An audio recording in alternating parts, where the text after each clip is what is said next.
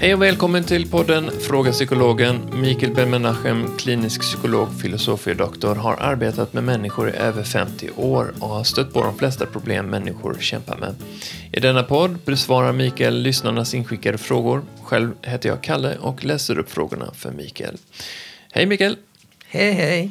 Så för ett tag sedan så hade vi ett program ägnat åt sex och där nämnde vi eh, konceptet om intimitet.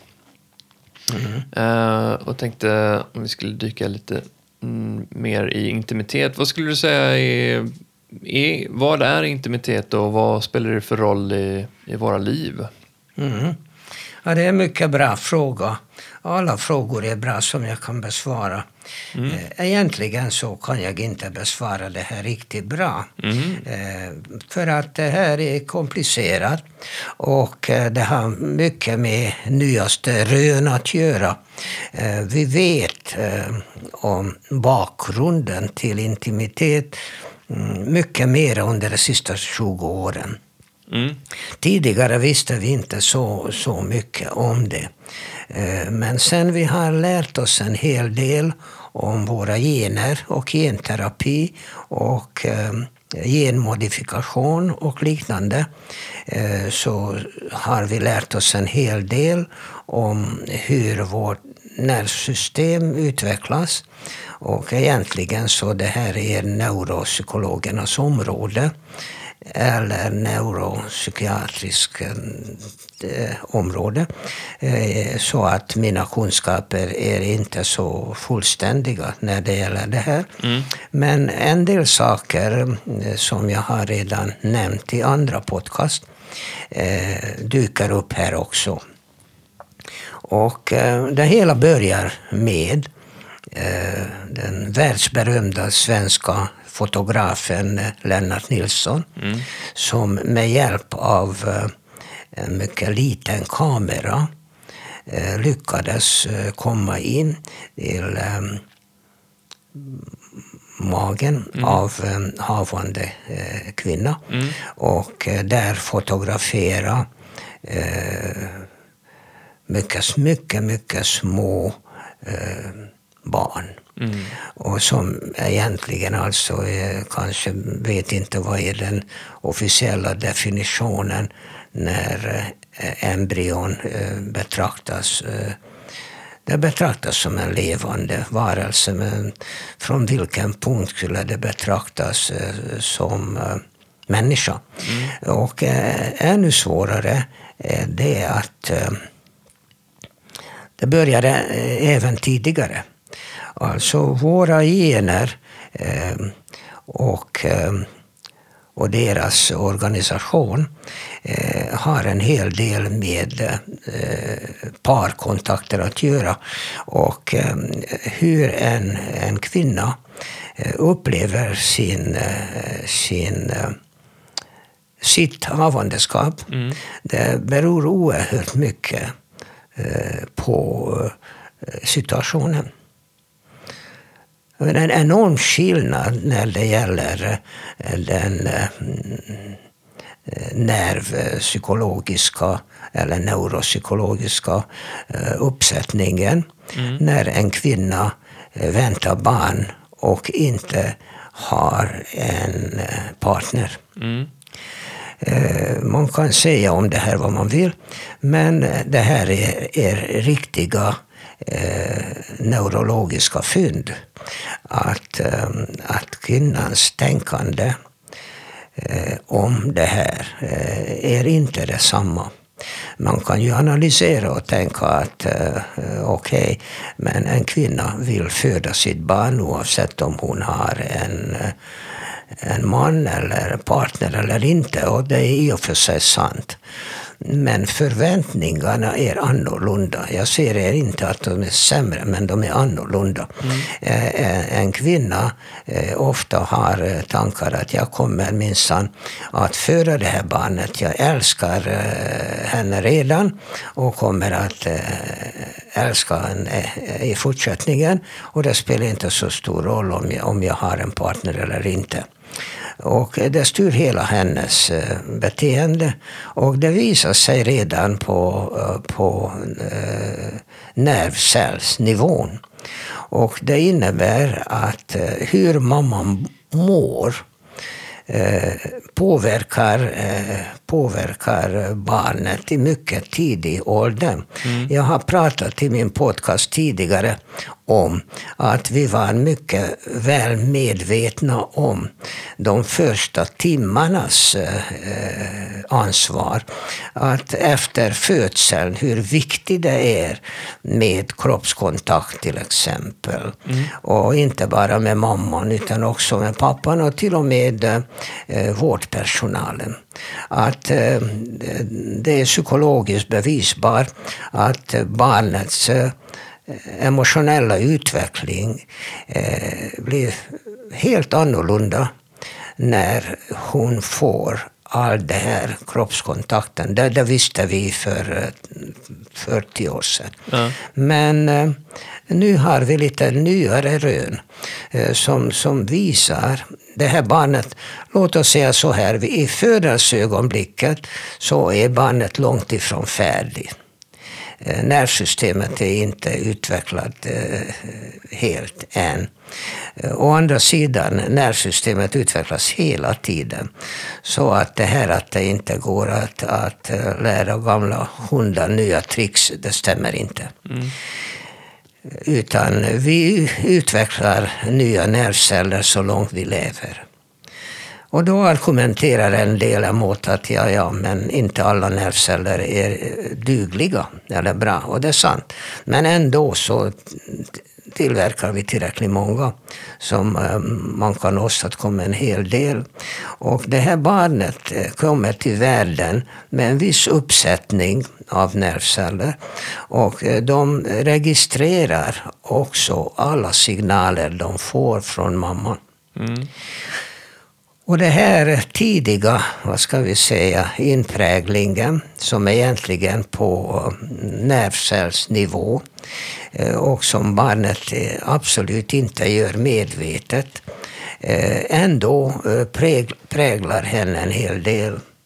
Så att hur, hur mamma mår psykologiskt Mm. under havandeskapet och innan havandeskapet och varför det blev ett havandeskap. okay. Där säger ju alla mycket viktiga ingredienser i det här. Det är alltså redan innan äh, barnet blir till, att det hur mamman tänker och tycker runt det? Är det att det påverkar barnet sen? Eller bara? Ja, och det är deras där ursprungliga intimiteten. Ah, okay, alltså det finns in, inte någon bättre eller, eller starkare intimitet än mellan eh, modern Nej. och, eh, och eh, eh, barnet som håller på att växa inom henne. Mm. Det finns ingenting som är, är bättre eh, kontakt eller, eller starkare eh, inprägling. Ja, just det.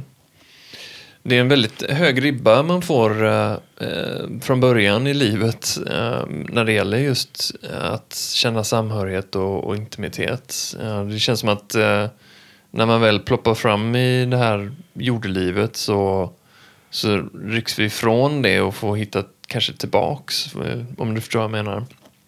Ja, det är en hel del terapi till exempel. Analys sysslar en hel del med det här eh, tidiga mm. eh, kontakten och ofta en hel del neuroser, fobier kommer från det här mycket tidiga mm. eh, kontakten när, när, när någonting är fel med det.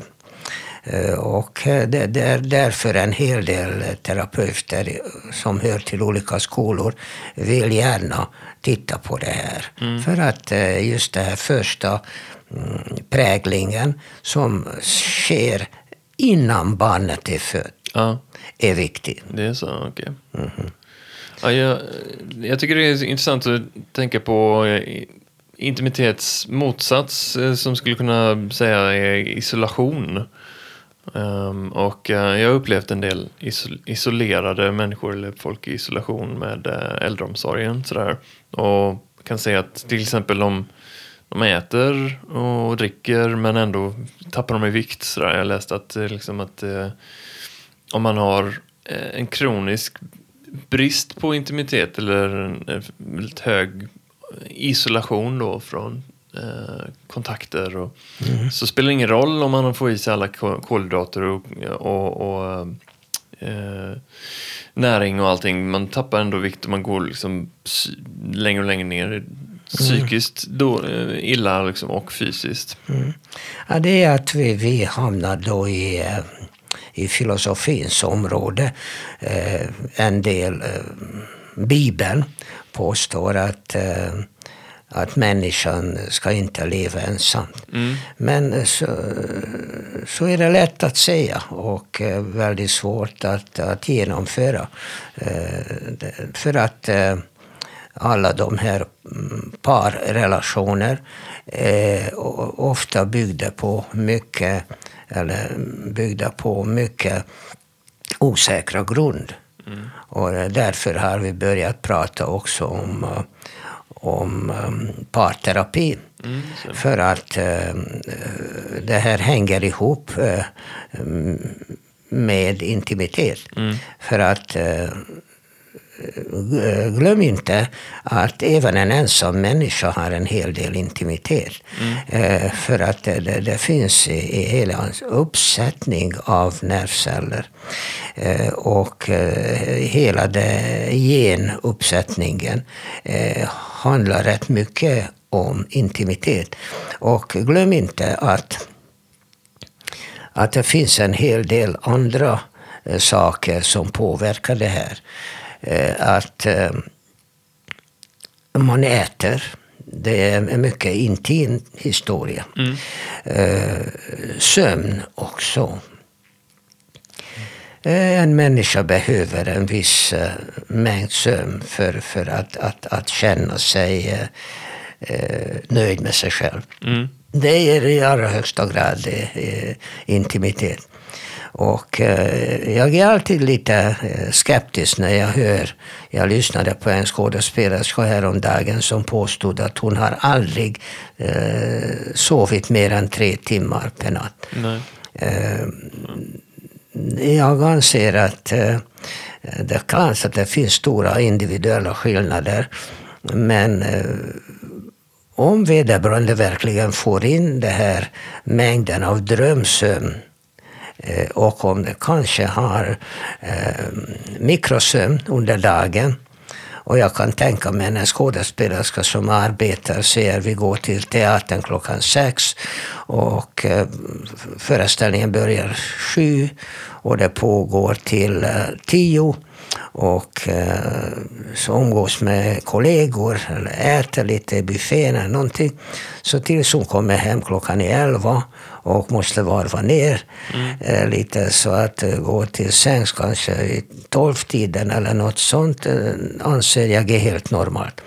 Eh, Men sen så, så sover hon bara två perioder och eh, det skadar intimiteten. Alltså hon inte får tillräckligt mycket av det som hennes kropp och själ be- behöver. Men å andra sidan, hon kanske inte behöver stiga upp så tidigt. Eh, och eh, kanske kan vila, som, som också ger en hel del, eller till och med Kanske på eftermiddagen om, om de uh, håller på och, uh, med en ny pjäs och uh, repeterar kanske mellan 10 och eh, 13 eller någonting sånt. Så har hon ändå mellan klockan 13 och 18 en hel del tid. Det kan väl hända att, att hon sover lite grann. Det är möjligt. Men hur som helst, sömn, att äta och sexuella aktiviteter, de har mycket med intimitet att göra. Så att man kan ju vara en rätt så välbalanserad och harmonisk människa om, om man har eh, alla dessa mm, eh, ingredienser i ordning. Eh, Och eh, det är inte någon sorts prioriteringsordning. Och sexuella upplevelser kan man ju ha på många olika sätt. Eh, Och på sätt och vis så, så kan man göra det här ensam. Eh, Inte jämförbart när man har en partner och, eh, och intimiteten fungerar bra. Och ofta så, så krävs det rätt lång tid och god vilja och intresse för den andra eh, för att det ska verkligen fungera bra. Så att det, det, det kräver en hel del. Eh, Medan eh, att sova och slappna av och äta är, är något lättare. För att det, det, kan man göra ensam utan eh, att man behöver en partner för det. Mm. Men att, eh, att eh, starten är så viktig, jag skulle våga säga avgörande. Och därför hamnar vi snart i det här området om, och som jag har arbetat väldigt mycket med olika människor nu under de sista två, tre åren. Det är just hur två människor som är fullständigt främmande till varandra ska plötsligt leva ihop och eh, utveckla en sorts intimitet. Eh, det, det kunde man tala väldigt mycket om. Och det, för mig det är ett mirakel hur två totalt främmande människor i 20 och 30-årsåldern plötsligt eh, kan leva tillsammans och inte ha några problem. Ja, men det här är ju unikt. Ja, händer det? Ja, jag tror det. Eh, Det här är enormt svårt och eh, jag vågar påstå att eh, en bra portion av människor som lever i, i parkontakt gör det här av gammal vana. Mm. Det här första sexuellt präglade eh, kärlek och, eh, och eh, förälskelse. Jag skulle vilja säga förälskelse, ett bättre ord. Ja, okej. Ja. Ehm, den går över väldigt snabbt. Och vad som kommer efter det, eh, faktum är att när det gäller intimitet så även det här sexuellt betonande första förälskelsen kan vara varaktig. Det låter Ja, konstigt. det är, va? nu har jag nog många till. Men faktum är att det kan vara varaktigt. Ja. Men det kräver en oerhört stor respekt för den andra. Ja. Att lära sig i sin eh, uppväxt hemma att eh, lyssna på andra. Mm. Om man inte gör det, inte lär sig hemma hos sina föräldrar eller det som man lever ihop med, att eh, lyssna på andra, så, så blir det problem. För att så snart eh, ett par som, som har kommit eh, av någon anledning att leva tillsammans och inte van vid att lyssna vad den andra har att säga eller- och berätta om sina känslor eller tankar och, eh, och inte enbart tänka på sig själv så blir det problem med intimiteten. Och eh, när det gäller sexuella kontakter, det är allt ingår. Ja. Alla smekningar, all, all ting som de två människor gör tillsammans och talar om är avgörande. Det här är oerhört viktigt att eh, man lär sig att eh, när man lever ihop med någon så är den andra är nästan lika viktig än du själv. Ja, men det, om man inte känner sig sedd och förstådd och, och känner sig trygg hos den andra så kan det, det är ju svårt då att intimitet kan ens börja uppstå och inte minst så småningom sex i så fall om det är en parrelation. Så, Alltså där, när det gäller just den sexuella biten, det har vi pratat om tidigare. Det ofta handlar om att, eh, precis eh, även i det här sammanhanget, att de inte pratar om det. Och det kan ju ha traditionella orsaker, att eh, man har inte lärt sig hemma att sådana saker pratar man om. mm, Och det kan man ju förstå, men eh, man måste göra det. om, om, om ett par ja, lever ihop och inte eh, kan tala till varandra eh, vad man tycker om. Vad är det som man njuter av? Mm. Vad är det som känns bra? Och när och var och hur. Det här är ju avgörande. Ja. Om de inte kan enas om det här, då kommer det inte att uppstå en intimitet som de bägge njuter av det.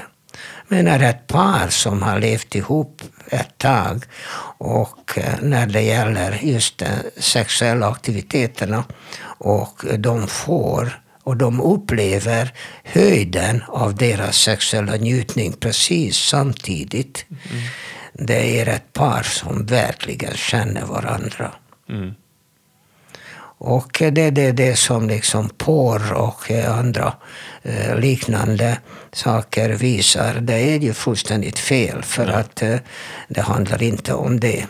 Och eh, det här kräver mycket att lyssna på varandra och, och tänka på varandra. Och det är inte lätt när det gäller en sexuell njutning så det, det verkar vara själv farligt att, att man tänker på sig själv. Mm, mm. Men i, lever man i en bra parrelation så tänker man faktiskt på den andra också. Ja, att eh, deras bästa är ens egna bästa. Alltså att man gör deras sak ens egna. Um, och att, ja, det svårt för många att göra det tror jag. Det är mycket svårt och kräver mycket att lyssna på varandra och eh, kompromiss. Mm. Det, det, man kan ha föreställningar. Jag har haft en patient och hon sa till mig att jag kan ha sex med min man bara om, eh, om det är jag som bestämmer, om det är jag som eh, bestämmer vad är det för ställning och allt det här. Eh, och jag sa till henne, varför, varför tror du att din man måste göra precis som du tänkte? Du kanske missförstår honom, du, du, du kanske misstolkar honom. Om ni inte kan enas om ett sätt som ni bägge eh, tycker om, eh, så, så är det dömt till misslyckande. Mm. Och det tog ett tag, inte så lång tid, för att tack och lov så psykologiskt så är sexuella problem är relativt lätt att ändra på. Det är det som eh, gäller liksom det praktiska. Men eh, när det gäller att lyssna på varandra överhuvudtaget, mm. ja, det kommer från barndomen och det kan ta en hel del eh, att eh, komma överens om. För att när vi träffas vid 20-30-årsåldern så så har vi en åsikt om allting i världen. Mm. Och tänk att den andra kommer från en helt annan miljö. Och därför de här matchningsprogrammen är inte så tokiga. För att de eliminerar en hel del sådana mm, olikheter. Att de kommer från i princip samma typ av uh, social miljö och språk, religion och många andra sådana matchningsvarianter. Mm. Eh, så, så har man i alla fall eliminerat en hel del. Mm, alltså om den ena eh, partnern tror på Gud mm. och den andra ser att det här är löjligt det, det, det, är redan en rätt så ordentlig eh, skillnad i, i ens tankar. Verkligen. Så att eh, sådana här politiska skillnader, jättestora skillnader som kommer eh, till den här parrelationen med alla åsikter om allting. Och det kan vara ekonomin, det kan vara arbete, det kan vara politik, religion, vad som helst. Mm att man försöker, om man vill bygga upp intimitet, på något sätt jämka. Gör man inte det, kan, är man inte beredd att göra det, du är helt säker på att som du tänker så är det rätt. Mm. Och det innebär att om den andra tänker annorlunda, det är fel. Mm. Och eh, en sådan relation, om det inte ändras, det är dömt att misslyckas. Ja, de blir inte kompatibla då? Ja, jag har lärt mig när jag kom till Sverige för 60 år sedan att eh, man kan aldrig ha så mycket rätt att den andra inte kunde ha lite rätt också. Mm. Har man inte en sådan inställning har man problem. Mm. Man kan då leva naturligtvis och ha vissa rutiner tillsammans, till och med fostra barn. Fastän eh, barnet får mycket olika budskap, inte bra för barnet, kommer att leda till diverse problem. Föräldrarna måste ju vara eniga oavsett. Men är inte kompromissen eh, en jättebra väg till eh, bitterhet och, och sådär? Man kompromissar bort sin autentiska jag till slut mer och mer i relationer. Ja, min pappa brukade göra att eh, kompromiss är den svåraste eh, konsten i livet. Och, ehm, jag håller med honom fortfarande. Det är en väldigt svår konst. Men har man börjat det och ser att det här fungerar, ja, det är fantastiskt. Mhm. Då, då, då njuter man av det. Och även kanske om man har inte lärt sig i den tidigaste barndomen eh, så, så kan man reparera det senare om man har en, en positiv attityd och är beredd att kompromissa. Mm. Det alltid beror på eh, om du anser att det här är så viktigt att du måste absolut fortsätta och tänka på det sättet. Ja, nej men exempel skulle kunna vara en, en kille som eh, har ett behov av att eh, vara ute på vägarna, liksom turnera sig vi, eh, 200 dagar om året medan hans partner hon vill ha honom hemma helst och de ska skaffa barn sådär. Och, men deras behov eh, går åt varsitt håll men då kanske han okej jag kompromissar genom att vara hemma men då, han är hemma fast då kanske han blir mer och mer olycklig av liksom att förbise sin, sitt behov som han har inom ja. sig. Det är ett svårt problem. Ja. Det är ett svårt problem som nästan alltid eh, tyvärr leder eh, till eh, eh, mycket, my, irritationer och ofta att de går ifrån varandra Mm. i längden. För att eh, gemenskap tål inte att inte vara tillsammans. Mm. Ja, att de kanske inte var kompatibla, att deras behov inte matchar varandra tillräckligt bra i längden. Eh, alltså, det, det är nästan omöjligt att sätta upp eh, regler om det här. Mm. Eh, min eh, farfar har varit resande och eh, han kom hem inte ens varje vecka. Mm. Eh, för att eh, han eh, levde i det dåvarande österrikisk-ungerska eh, imperiet som var väldigt stort. Och han kunde från eh, Österrikes huvudstad Wien, fastän han och hans familj bodde i Budapest, i Ungern. Mm. Och firman som han arbetade för var i Wien. Och även Wien är 300 kilometer från Budapest. Mm. Och därifrån åkte han ner till Kroatien och, och Serbien och eh, Montenegro och eh, Herzegovina och eh, sålde. Och han kom tillbaka och han fick rapportera till huvudkontoret och eh, lämna beställningarna och så vidare. Eh, och eh, kanske komma hem till Budapest och vara där två, tre dagar och eh, fortsätta. Och hans fru liksom accepterade det här. Hon fick ju pengar, det var ju fyra barn. Och hon hade inget val, utan eh, hur deras intimitet var eh, vet katten. Men jag vet att min far har lidit mycket av det här. Mm. För att eh, hans far eh, har för, eh, föreställt sig eh, hur, hur barnet ska, ska eh, bli sedan, men inte var närvarande och, in, och eh, deltog inte i familjens dagliga liv. Mm. Och eh, så kan man ju leva hur många år som helst tillsammans, men intimitet kan man nästan inte prata om. Rutiner, ja. Rutiner. Fråga. Och en hel del människor accepterar det här att okej, okay, vi, vi slår inte varandra och vi kan leva bredvid varandra. Vi till och med kan ibland ha sexuella aktiviteter, annars skulle de inte ha haft fyra barn. Mm. Uh, och resignerar och accepterar att så är det. Mm.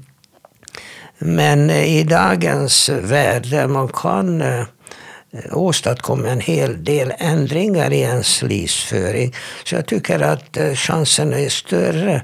Man får större valmöjligheter när det gäller arbetet. Till exempel utbildning. Man utbildar sig så att, att eh, man kan mer eller mindre förutsäga att om man är fysiskt kapabel att leva tillsammans med någon. Mm. Och med fysiskt kapabel menar jag att eh, levnadsvillkoren när det gäller arbete och det geografiska är sådana att det här är möjligt att genomföra.